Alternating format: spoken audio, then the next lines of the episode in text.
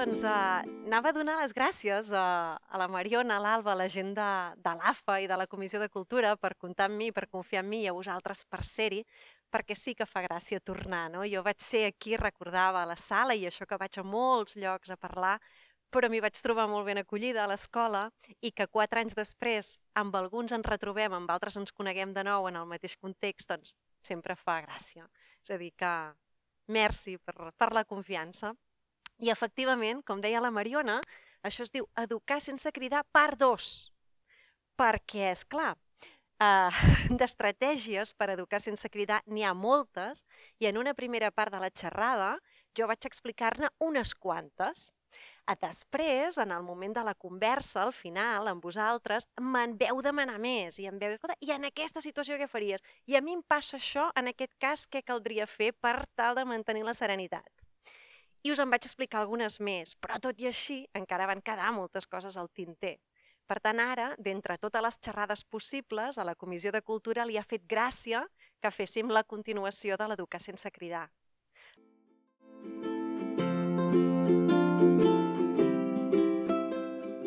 Us he de dir que, a banda de dedicar-me professionalment a l'educació, jo treballo en famílies, eh, faig consulta de pares i mares que tenen inquietuds educatives jo faig mediació de conflictes també entre pares i adolescents, en famílies, en fills, i sóc mare. I això m'agrada dir-ho perquè no és el mateix parlar eh, des de l'experiència que des de la professionalitat i prou. Llavors, eh, jo no m'atreviria, la veritat, a venir aquí a parlar amb vosaltres que viviu el dia a dia al costat dels nens i nenes, si no sabés que una cosa és dir el que cal fer i l'altra és fer-ho. Per tant, és des d'aquí, des, de, des de les vostres mateixes sabates, des de l'empatia de saber que les coses mai són tan fàcils com sembla, que comparteixo les eines que a mi també m'han fet servei.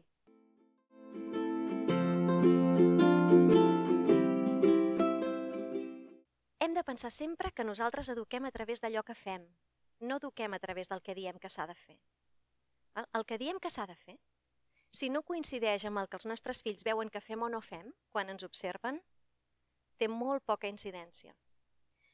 En la mesura que vulguem que ells siguin capaços de tenir relacions cordials, que siguin amables, que sàpiguen tractar bé els altres sense escridassar-los per exigir les coses, en la mesura que vulguem això, com més eines tinguem nosaltres per relacionar-nos amb ells sense cridar, més bon exemple, més bon model els estarem donant. Ells aprenen de la manera com veuen que nosaltres ens relacionem tant amb ells mateixos com amb les altres persones.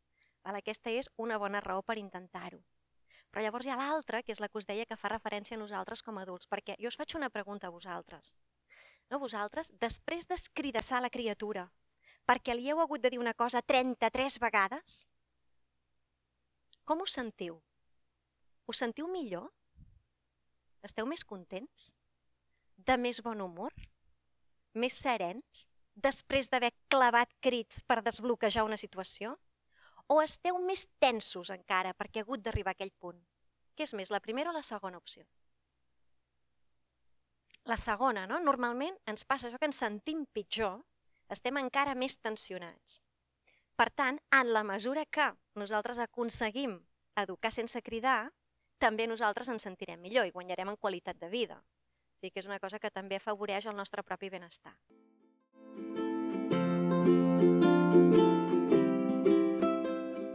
Mireu, una cosa que va bé, per no haver de repetir que facin certes coses que cada dia han de fer igual en els mateixos moments, per exemple al matí quan es lleven o a la tarda arribant d'escola, és tenir visibilitzades les rutines. És a dir, que hi hagi una, una mica de, de, de moral on s'indiqui què toca fer en el moment d'arribar, quin és el conjunt d'accions que cal fer una darrere l'altra. Saps allò que quan arribes a casa i dius va, vinga, que ja ho saps que has d'endreçar la motxilla i penjar la jaqueta i treu-te les sabates o vés-te rentar les mans, que cada dia t'haig de dir el mateix. Doncs com ho fem per no haver de dir el mateix gaires dies més? Quan arribem a casa, en comptes de recordar el que toca fer acció darrere l'acció, diem, vés a veure què toca fer i quan estiguis avisa'm. Val? Quan estiguis avisa'm. És a dir, hi ha un paquet de coses que has de fer tu, el teu ritme, una darrere l'altra, en el moment que això estigui fet, podràs començar a fer tot allò que et vingui de gust. Val? Un cop hagis endreçat la jaqueta i la motxilla, un cop t'hagis rentat les mans, un cop t'hagis dutxat o un cop hagis parat taula de sopar, si és aquesta la tasca domèstica que t'ha encomanada la criatura, aleshores ja tindràs temps, ja podràs eh, jugar, mirar la tele, si és el cas, o el que sigui que et tingui ganes de fer. Però què toca fer en comptes de ara toca això, ara toca allò? Feu-los la pregunta a ells. Eh? Què toca fer ara? Ves a mirar i quan estiguis digue-m'ho. I va molt bé, perquè al cap d'uns quants dies de fer-ho, ja no ho han d'anar a consultar, ja ho han après de memòria i ho interioritzen com a hàbit, de manera que quan arriben a casa saben que abans de qualsevol altra cosa ta, ta, ta, ta, ta, ta, hi ha una sèrie de coses que s'han de fer i que ja no els heu de repetir, perquè acaben acostumant-s'hi.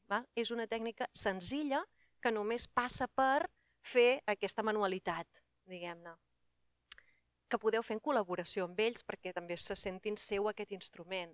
I anem a fer una cosa que ens anirà molt bé per organitzar-nos perquè tu sol ja puguis eh, començar la tarda o, o llevar-te al matí i està a punt pel, pel que toqui fer després. Un altre és eh, demanar que siguin ells els que us avisin quan sigui l'hora de canviar d'activitat. Costa molt que quan estan fent una cosa que fan per gust, amb ganes, la deixin de fer per passar a fer una cosa diferent que potser no és tant del seu gust en aquell moment i ens toca a nosaltres anar a dir vinga va, deixa de fer això per passar a fer allò altre. Però hi ha una tècnica que és dir escolta'm, jo és que tinc molta feina i me'n vaig escriure uns correus electrònics que haig de fer, avisa'm quan sigui l'hora de parar taula per sopar. Llavors els hi posem un rellotge despertador o una alarma del tipus que sigui i ells tenen la responsabilitat de venir-te a buscar tu per dir ja ha sonat, és hora de parar taula per sopar. És posar la pilota al seu taulat. Això no ho farem si tenen 3 o 4 anys, però sí que ho farem si en tenen 6 o 7 o 8 o 9. M'explico? És a dir, digue-m'ho tu. No sóc jo el que vinc a, a desfer la teva activitat, sinó que tu vens a desfer la meva. Tu assumeixes la responsabilitat que la nostra organització funcioni a partir d'aquesta hora. Una altra tècnica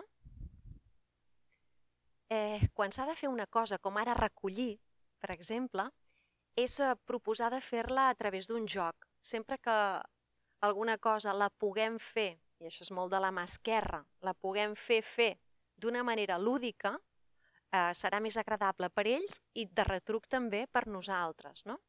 Quan un nen que està jugant tot concentrat amb la seva escampall de peces de Lego ha de recollir per anar a sopar, segurament sense tenir gaire gana, vol dir que ha de primer aturar la seva activitat, la que fa disfrutant, per fer una feina, que és posar les peces al seu lloc, per després anar a fer una cosa que no li ve de gust.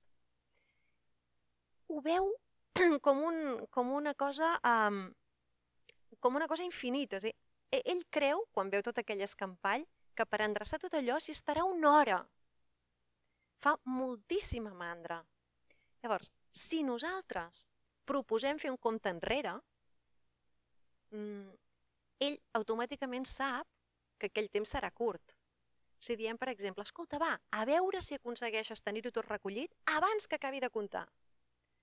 Fem la tècnica del coet i comences a comptar 20, 19, 18, 17. I allò que ho facis mirant el, el rellotge o l'alarma del mòbil perquè ell pensi que comptes segons, no que adaptes la, el compte a les seves possibilitats. Sobretot si són una mica més grans, si són petits tot cola, però si tenen 8 o 9 anys, això no t'ho faran a menys que pensin que realment estan fent una cursa contra alguna cosa objectiva com és un rellotge. No?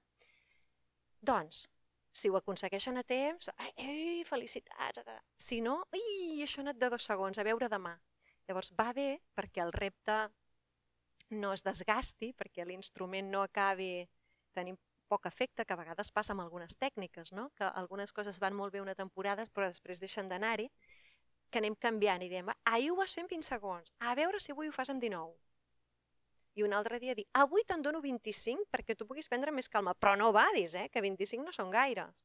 Doncs el fet que nosaltres siguem allà presents, mentre recullen, i que, i que hi hagi un, un repte per superar, també fa que aquesta activitat que seria tediosa i que la veurien com, com infinita, eh, els sembli molt més, molt més agradable perquè és més juganera. El compte enrere va bé en, en molts moments, però sobretot en el moment de recollir.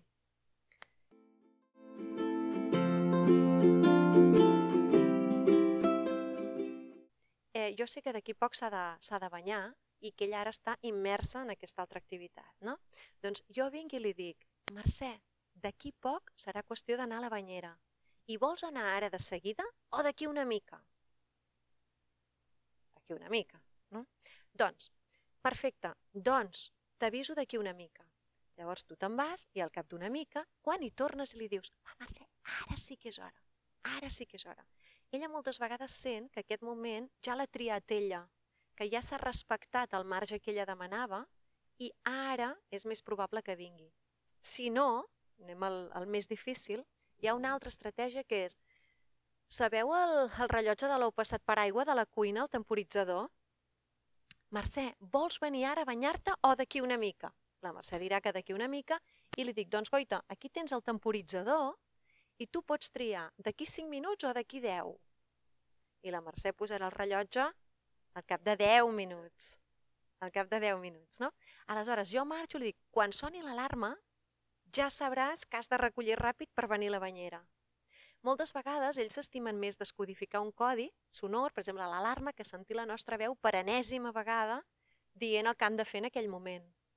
Per tant, això, deixar que en certa manera s'organitzin amb un punt d'autonomia, de dir, tria tu, d'aquí 5 minuts o d'aquí 10, i quan soni l'alarma, tu, tu, que tu te l'has programada, no jo, sinó tu l'has programada, tu sabràs que és la teva alarma que t'indica a tu al moment que tu has triat.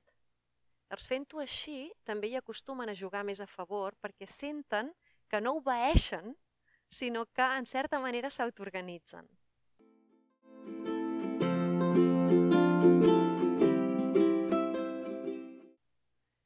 Un altre és que a casa hi hagi algunes normes fixes, escrites, visibles i controlables normes que facin referència a coses que siguin molt importants, que vulguem que sempre siguin d'una determinada manera i que no vulguem haver de recordar. Aquí n'he posat quatre exemples. Són aquestes quatre, com podrien ser les quatre que vosaltres necessitéssiu. No? Recollir tot el que s'utilitza per menjar i beure. És dir, que quan algú acaba de berenar o d'esmorzar o de dinar, com a mínim el que ha utilitzat per menjar i beure hagi de quedar recollit. Molt bé. Doncs, si això és una cosa que no voleu dir cada vegada, la podeu estipular com a norma. És la norma número 1 d'aquesta casa, per exemple. De manera que, quan se'n descuidin de recollir el que han fet servir per menjar o beure, en comptes de dir treu el plat i el got de taula, eh, recull les molles, el que caldria dir és t'estàs descuidant la norma número 1. Corre, vés a mirar. O bé, hi ha alguna norma que t'estàs oblidant, de manera que ells hagin de pensar quina deu ser.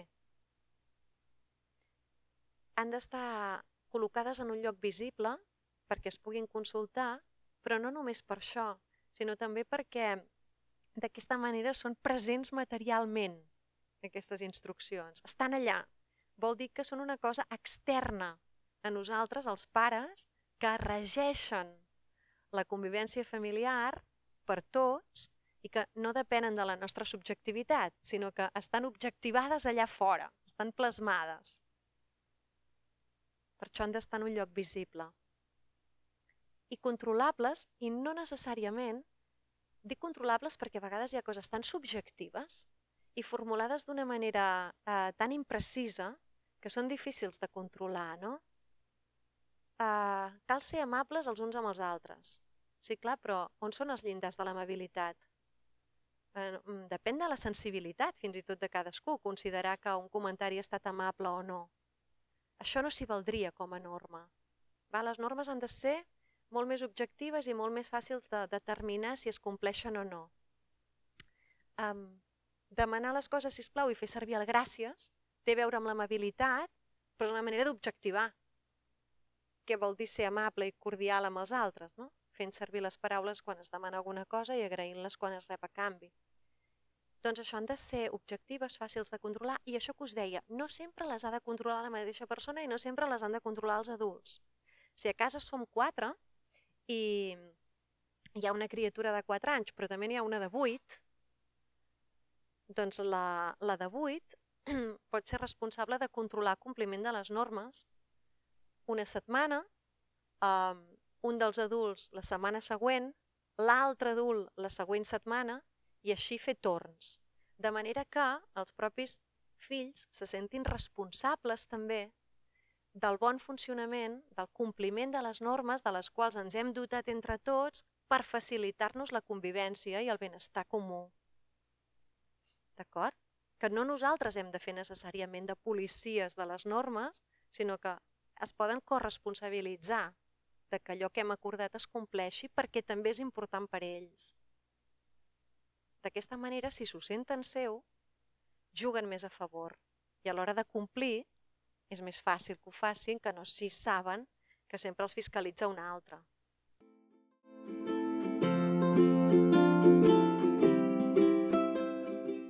Prevenir, ajudar a preveure. Eh, demà, que és dissabte, al matí, després d'esmorzar, anirem a casa els cosins. És a dir, això que potser no et ve gaire de gust, jo t'ajudo a pensar-ho d'avançada perquè sàpigues que això és el que passarà. Perquè si es poden preparar mentalment, després també fan menys resistència. Això va molt bé i també ja sé que no et ve gaire de gust fer tal cosa, què t'agradaria fer després quan tornem a casa? dir, que ells també vegin que hi ha coses que toca fer i que han de fer l'esforç, però que ah, també tenen compensacions. Què t'agradaria fer després d'haver fet aquest esforç? De fet, nosaltres també funcionem així, no? Moltes vegades quan hem de fer coses que no ens venen de gust, pensem en com ens premiarem si ho aconseguim. Doncs eh, això, ajudar-los a pensar d'avançada. I doncs, aquestes són algunes d'aquestes estratègies de la mà esquerra. Ara us explico com, eh, quan no podem fer servir aquestes estratègies, com donar ordres concretes que, que tinguin més possibilitats de complir-se. Mireu, una cosa que hem d'evitar és eh, això que fem a vegades de estem a la cuina fent el sopar, començant a fer el sopar i la Mercè està jugant a l'habitació del costat amb tot el seu escampall de peces, no? I aleshores eh, jo des d'aquí, Mercè, va recull, eh? Que aviat serà hora de venir per a la taula per sopar. I la Mercè, com veieu, ni respon, no? Al cap d'una mica miro el rellotge i ha passat 5 o 10 minuts, el sopar està més avançat, ha de parar taules, cosa seva, i li torno a dir. Va, Mercè, que és hora de venir per a taula de seguida, recull! amb una mica de sort, no? O el famós moment. Un moment! Ja vinc! Si jo continuo fent servir la mateixa estratègia, ja estic fent les truites, que és l'última cosa que vull, que, fer, que vull fer perquè ens les puguem menjar calentes, xic, xic, xic, xic, xic. i li torno a dir una vegada més, Mercè, va, eh? Que la taula s'ha de parar, que superem aviat. I ella continua dient que un moment, i així, cinc o sis vegades, arribarà un moment que ja tindré el sopar fet i llavors què? Doncs llavors no em toca més remei que posar-lo a taula, que no la parada ningú, i llavors me'n vaig cap allà on és la Mercè i li dic, vols fer el favor de venir d'una vegada que fa mitja hora que t'aviso? I li dic cridant, no? Clar, li dic cridant per què? Doncs perquè després de repetir una cosa tantes vegades, 5 o 6, però a vegades 15 o 16, a menys que jo sigui una mestra zen de la meditació, mmm, doncs, eh, l'acumulació de frustració, l'acumulació de frustració fa que, fa que m'exasperi. Aquesta, aquesta exasperació que és tan natural es podria evitar si, en comptes de repetir-me tantes vegades, jo me n'hagués adonat que aquesta estratègia no era vàlida i que no tenia sentit continuar-la fent servir. Si jo continuo repetint una cosa tantes vegades, cada vegada estaré més a prop d'acabar cridant. No cada vegada estaré més a prop d'aconseguir que faci el que toca. Cada vegada estaré més a prop d'acabar cridant. Val? Repeteixo que és per acumulació de frustració. Llavors, eh, quantes vegades he de repetir una, una cosa? Dues. Com a màxim tres. Després prou. Després prou. Una vegada ho he repetit màxim tres vegades, haig de prendre consciència que allò no funciona i passar a utilitzar una altra manera de dir-li el que ha de fer. I una de les maneres és aquesta, és vas cap allà on és la criatura. T'ajups a la seva alçada, li mires directament als ulls i li dius el que li has vingut a dir de la manera més breu possible i amb la veu com més baixa millor. Val? Fins i tot xiu-xiuejant. Jo aquí, per exemple, a la Mercè li podria dir, així de molt a prop, eh? de molt a prop, uh, Mercè, s'ha de recollir tot això i venir per a la taula ara. Val? I a continuació marxo sense esperar rèplica, perquè jo no he vingut a sentir la seva opinió sobre això. He vingut a dir-li el que toca fer. El missatge li vinc a donar jo. Per què és important que el missatge sigui breu? En el cas dels més petitons, perquè no es perdin. Perquè a vegades donem unes explicacions que sembla que estiguem venent un producte. És que a vegades els hi volem fer fer una cosa i sembla que els estiguem convencent. Sembla que, que, que hagin de consentir i no sempre han de consentir, no sempre poden estar-hi d'acord. A vegades toca fer-ho, tant si els ve més de gust com si els hi ve menys. Són molt petits i decidim nosaltres com ens organitzem, no ells. Llavors, missatges breus quan es tracti de coses molt concretes que toca fer en aquell moment d'una determinada manera. En el cas dels més grans, és important que el missatge sigui breu perquè no tinguin temps de pensar una excusa mentrestant. Per què és important que sigui dit en veu molt baixeta? Per què penseu? Exacte, perquè si veuen que tu mous la boca i dius alguna cosa però no, però no senten ben bé què, paren l'orella, perquè tenen curiositat per sentir-ho. I al parar l'orella, la informació arriba millor als centres de processament de l'acció del cervell. Per tant, missatge breu, missatge en veu baixeta, missatge dire eh, mirant directament als ulls ah, i dit amb convicció. Amb convicció. És a dir, això és el que toca fer i ho faràs.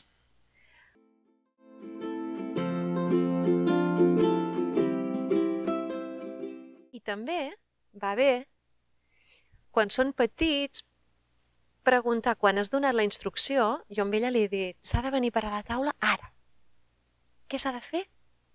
Que ella repeteixi la instrucció. Venir per a la taula. Recollir, venir per a la taula. Molt bé perquè quan ells s'ho repeteixen és com si es donessin la instrucció a si mateixos. La seva pròpia veu eh, els projecta l'acció. La, és el seu pla, perquè ells mateixos ho han dit en veu alta. Um, a vegades, quan jo he dit que ens n'anem sense esperar rèplica, no? S'ha de recollir tot això i venir per la taula ara. I ens n'anem sense esperar rèplica. Però un moment, perquè espera que... Ja m'has sentit. Ja t'he dit el què.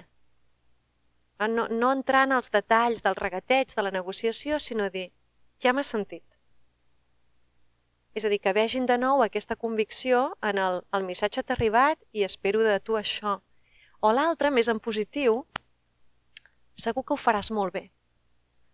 Dir, quan donem un encàrrec per fer qualsevol cosa, confiar en que allò ho faran i ho faran molt bé. Va, vinga, que segur que ho faràs molt bé ells generalment volen estar a l'alçada de les nostres expectatives. I quan veuen que hi ha confiança, tenen ganes de ser mereixedors d'aquesta confiança. Val? En comptes de dir, bueno, us deixo aquí a casa sols, a veure com ho trobaré. En comptes d'això, va més bé dir, me'n vaig tranquil·la perquè estic convençuda que quan torni haurà anat tot molt bé. Sí, és que funciona millor. És més efectiu perquè llavors ells senten que tu has projectat aquesta expectativa, no volen decebre't.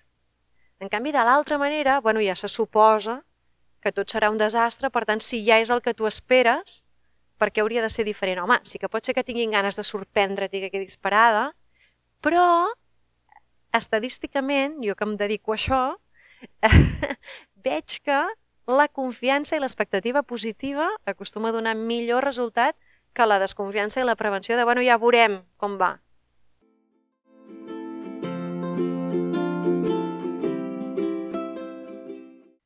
no podem estar sempre dirigint les seves accions des que es lleven fins que se'n van a dormir. I, de fet, d'ordres en donem moltes, eh? des que es lleven fins que se'n van a dormir, perquè si féssim una creueta per cada ordre que donem, quedaríem parats, dirigim molt. Si donem massa ordres, què passa? Passen tres coses dolentes. La primera cosa dolenta és que ai, l'efecte s'afableix, és a dir, com més ordres donem, menys ganes tenen d'obeir, perquè ells el que tenen ganes és de sentir que fan les coses a la seva manera, que decideixen i com més grans són, menys suporten que els donem ordres, fins que a la preadolescència i a l'adolescència, ja no diguem, a sentir que obeeixen va directament contra la seva natura de persones que tenen ganes de créixer i de sentir que dirigeixen la seva pròpia vida. I no com quan eren petits, s'han de distingir de quan eren petits que els ordenàvem nosaltres sistemàticament el que havien de fer cada pas. No? Per tant, a mesura que creixen ens hem d'anar desprenent d'aquest costum de donar ordres directes, de dalt a baix, que n'hem de saber donar i que les hem de saber fer complir, però que cada vegada s'han de substituir més per altres, per altres maneres de relacionar-nos. Perquè la segona cosa dolenta que passa és, abans ho apuntava, que les ordres no sempre es poden fer complir. No? I què passa quan dones un ordre i no es compleix i no hi pots fer res? Què penseu que passa? Dones un ordre, no es compleix? Clar, on queda la teva autoritat? Quan tu dones un ordre no es compleix i no, i no passa res perquè no hi ha res que puguis fer per fer-la complir. Res no ens desautoritza més, us deia abans, que donar ordres que no es compleixin i no hi puguem fer res. Llavors, sempre que donem un ordre hauríem d'estar disposats a fer-la complir i si pensem que no la podrem fer complir, val més no donar l'ordre directe i optar per una altra estratègia, de les que us he dit i de les que us diré també. La tercera cosa, el tercer problema que tenen les ordres. Vosaltres què, què us estimeu més? Que els vostres fills quan siguin grans siguin persones que sempre, sempre obeeixin el dictat de l'autoritat a cada moment? O que siguin persones capaces de decidir quan han d'obeir i quan no han d'obeir? La primera opció o la segona? La segona, no? que sàpiguen desobeir si cal, oi? Clar, si sempre donem ordres, estem educant per l'obediència. Ells estaran acostumats que quan reben ordres han d'obeir-les, no precisament que han de qüestionar-les. Si volem educar per la llibertat, hem d'educar des d'una certa llibertat, des d'una certa llibertat, que s'ha de, que de graduar amb cada edat. Des d'una certa llibertat per aprendre a fer-la servir perquè la llibertat s'ha d'aprendre a fer servir, perquè si no s'aprèn a fer servir, doncs quan es disposa d'una gran llibertat, se'n pot fer un mal ús, que pot ser molt perjudicial per un mateix. No? Llavors, per poder aprendre això, a fer servir la llibertat, una, altra pregunta, què us estimeu més, que de grans siguin responsables o irresponsables? Responsables, no? D'on ve responsable? D'on ve la paraula responsabilitat? A què us sona? la paraula primitiva, responsable, responsabilitat, ve de respondre, molt bé, de resposta. Eh? Què és una persona responsable? Una persona que pren decisions lliurement, les que siguin, i després respon de les conseqüències d'aquestes decisions que ha pres. N'és el responsable, és el que hi dona resposta. Doncs, per poder educar per una llibertat responsable, el que va molt bé és fer servir aquesta estratègia del què t'estimes més, us deia abans, convidar a viure les conseqüències lògiques, lògiques, no arbitràries, d'allò que han decidit. Què t'estimes més? Venir a sopar ara o venir més tard? Pensa que si vens més tard no tindrem temps d'explicar un conte abans d'anar a dormir. En canvi, si sopem abans de les 8, ens quedarà temps per explicar un conte després. Val? Jo l'ajudo a pensar en quines conseqüències tindrà allò que ella pot decidir lliurement. Si decideix que ve a sopar més tard a les 8, jo no estaré enfadada. Al final la Mercè no ha fet res mal fet. Ha decidit entre les opcions que jo li he plantejat. Fins aquí no hi ha problema, no? Per tant, quan vingui a sopar, soparem tranquil·lament, tan contentes. Què pot passar? Que després de sopar, si ella està acostumada que jo cada vespre li explico un conte, me'l demani, oi? Que m'expliques un conte? Penses el moment que jo li haig de fer memòria que ella ha pres una decisió que tenia una conseqüència. Aquí és important que sigui empàtica, també. És a dir, que l'acompanyi en el sentiment. I jo li puc dir, on dia, Mercè? Doncs em sap molt de greu. Però te'n recordes que tu podies triar entre venir més d'hora i venir més tard a les 8? Clar, has vingut més tard i ara ens hem quedat sense temps pel conte. És allò de la banyera, de un dia a mi tampoc m'agradaria banyar-me amb aquesta aigua tan freda. Val? I fins i tot li puc dir, a veure si demà te'n puc explicar un de vell llarg, que avui no hem tingut temps. És dir, quina llàstima, em sap greu que tu t'hi trobis així. Però és la conseqüència natural d'allò que tu has decidit. No és que jo m'ho hagi inventat, no és que jo ho faci per perjudicar-te, és que goita se'ns ha fet tard. Que és diferent de, ah, jo ja t'ho he dit. Oi, què tal? Doncs ara Pasqual. No, no és des d'aquí, és des de l'em sap molt de greu. El que passa és que fixa, t'ha passat això, no? És responsabilitat teva, no meva. Aquí, uh, què pot passar? Va, què és el pitjor que pot passar? Què esteu pensant? Una rebequeria, no? Que ens faci una rebequeria plorar, cridar, picar de peus, eh, donar cops, si és petitona, si és més grana, que farà serà dir-me coses molt lletges.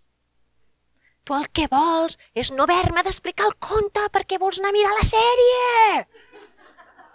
Eh? I et fa sentir culpable i fa sentir que has de donar explicacions. Què hem de fer davant d'aquesta rebequeria? La cosa més fàcil de totes. Bueno, també potser alhora la més difícil. El que hem de fer és res, res, o com a molt, respirar. No? Sí, hi ha criatures que, que quan, quan senten aquesta ràbia, aquesta frustració perquè la situació les disgusta, es deixen consolar. Es deixen fer una frega a l'esquena, una abraçada. Si és el cas, feu-ho. Aquest tipus de consol físic, de em sap molt de greu, quina llàstima que ens hagi passat això, està molt bé, és molt bonic. Hi ha criatura que no, que el que necessita quan es troba així és deixar anar tota la ràbia, tota la ira que té en aquest moment, doncs això també ha de poder tenir lloc. Clar, no és fàcil de sostenir, oi? Perquè ara la Mercè s'ha posat d'aquesta manera, però és que jo fa una hora he posat a dormir la seva germana petita, la Mariona, i si continua d'aquesta manera, probablement es despertarà i passarem la nit del lloro i demà anirem a l'escola que els ulls ens cauran a terra de tanta son. És igual, quan això passi, quan es desperti la Mariona, quan no puguem dormir fins a les tantes de la matinada, penseu que no esteu treballant per solucionar el problema d'avui. Esteu treballant per solucionar el problema a mig termini. Per tant, que això passi farà que no després de la primera vegada, allò que us deia abans, no? amb certes estratègies cal persistir, ni després de la segona ni després de la tercera, però sí que d'aquí una setmana quan us senti fer la pregunta de què t'estimes més, A o B, pensarà, calla, que això és allò que m'ho haig de prendre en sèrio, perquè després passa alguna cosa. En canvi, si jo caic en la temptació que totes tenim de dir, bueno, va, però vull un conte curt, eh? A mitja rebequeria, què? Ja he begut oli. No? Perquè demà, quan li vagi amb la meva estratègia supereducativa, què t'estimes més, A o B? Pensarà. Ara dic A i ja trobaré la manera d'aconseguir B. Llavors aquí és on jo he de ser molt consistent, molt fiable. Allò que jo he dit, passa. Um, uh, les conseqüències, però, no han de ser sempre negatives. De fet, això és molt important de dir, les conseqüències que funcionen millor són les positives. Si resulta que la Mariona, ai, la Mercè, un bon dia, ve de seguida a sopar,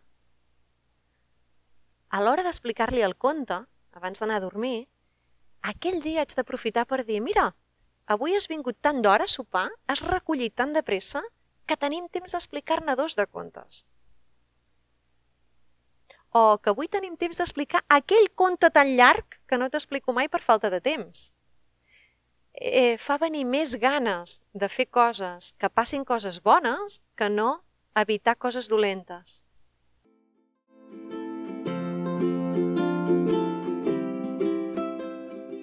Jo crec que és un acte de generositat educativa, deixar que tinguin problemes. Perquè nosaltres patim quan veiem que tenen problemes. Clar, nosaltres estimem els nostres fills. Quan tu estimes algú, què vols? Per definició, vols que aquella persona sigui feliç quan l'estimes. Com que tu vols que aquella persona sigui feliç, quan és feliç algú? Quan no té problemes. Per tant, mires d'estalviar els problemes aquells que estimes. És per això que mirem d'estalviar sistemàticament les dificultats i els problemes als nostres fills. I ho fem constantment en un munt de coses a la vida quotidiana. Sempre mirem de facilitar el camí, sempre mirem que estiguin còmodes. Això és molt natural, però a la mesura que facilitem tant les coses, ves que no les estiguem complicant per quan siguin una mica més grans i necessitin tenir més habilitats, tenir més autoestima. L'autoestima es basa no en l'acceptació incondicional, eh? es basa en el valor d'haver aconseguit alguna cosa. L'autoestima creix quan algú constata que és vàlid, que és valuós, que pot fer el que es proposa. Compte, eh? També podríem parlar molt d'autoestima. I en educació se'n parla molt, però l'autoestima no s'alimenta, no es fonamenta bé només a partir del discurs que fem els pares sobre la seva vàlua. Ells han de poder constatar la seva vàlua. doncs això, per això dic que és un acte de generositat educativa deixar que tinguin problemes, perquè tot i que per nosaltres no és el més agradable, perquè ens fa patir veure que tenen problemes o suportar que rondinen perquè tenen problemes que nosaltres molt fàcilment els hauríem pogut estalviar, en canvi jo crec que els dona eines molt importants pel, pel futur.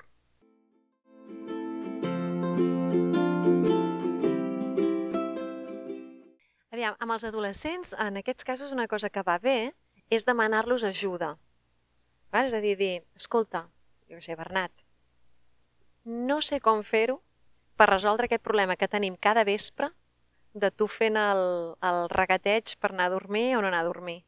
La veritat és que no sé com resoldre això, jo en aquell moment estic molt cansada, no vull dir-t'ho tantes vegades, sempre que vam discutir, no tensionats per aquest tema, necessito que m'ajudis. Perquè si tu no m'ajudes, jo no puc trobar la solució. Jo he intentat de diverses maneres, però no funciona. Què podríem fer? En un altre, molt ben vist. Mm. En un moment en què estiguem de bon humor, en què haguem anat a passejar, en què estiguem fent una activitat del nostre gust, encara que sigui fent un joc de taula el diumenge a la tarda. Dir, ostres, que bé que estem, quina sort que tenim de tenir una família tan xula com la nostra llàstima que hi ha una cosa que jo no puc resoldre i que tu m'hauries d'ajudar per anar bé. Com ho podríem fer per no tenir l'estira i arronsa als vespres i llavors tingues una conversa amb ell on tu li expliquis com ho vius. Tu. No tant dir, és que no pot ser que facis això cada dia quan t'ho he dit mil vegades. No, no. Saps què passa, Bernat? Que jo, quan passa això, em canso molt, és una hora que ja no puc més, tinc ganes de perdre't de vista. Well, el que sigui que sigui veritat i que tingui a veure amb les teves emocions en aquell moment. Perquè ell vulgui ajudar, no pas sentint-se acusat, que així no ho farà, sinó posant-se al teu lloc i, i volent-te donar un cop de mà. I llavors va, com ho fem? Llavors ella et dirà que no és tan important, que no sé què, que el deixis anar a dormir mitja hora més tard, el que sigui. Però d'aquesta conversa, que serà de to constructiu, perquè en aquell moment estem de bon humor, en pot sortir alguna mena d'acord o conclusió que sentirà que l'ha pres ell i ningú mata el seu propi fill. Vull dir que quan la idea és seva, moltes vegades funciona més bé que quan és teva. Més que no pas, a partir d'ara això ho farem així, a l'adolescència és dir, com ho fem? Perquè això ho hem de resoldre entre tots dos. I tu hi pots fer més que jo, jo et demano que m'ajudis. És una tècnica.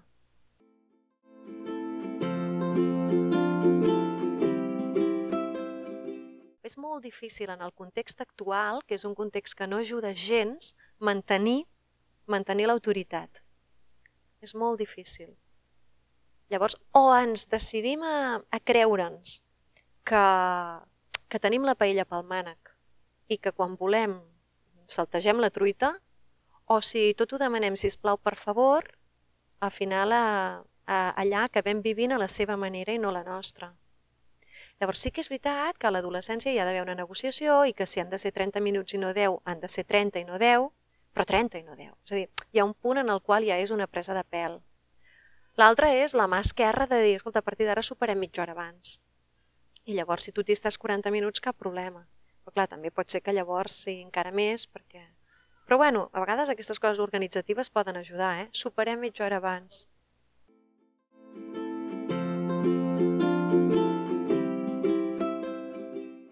Val, doncs moltíssimes gràcies. Bona nit. Gràcies. Merci.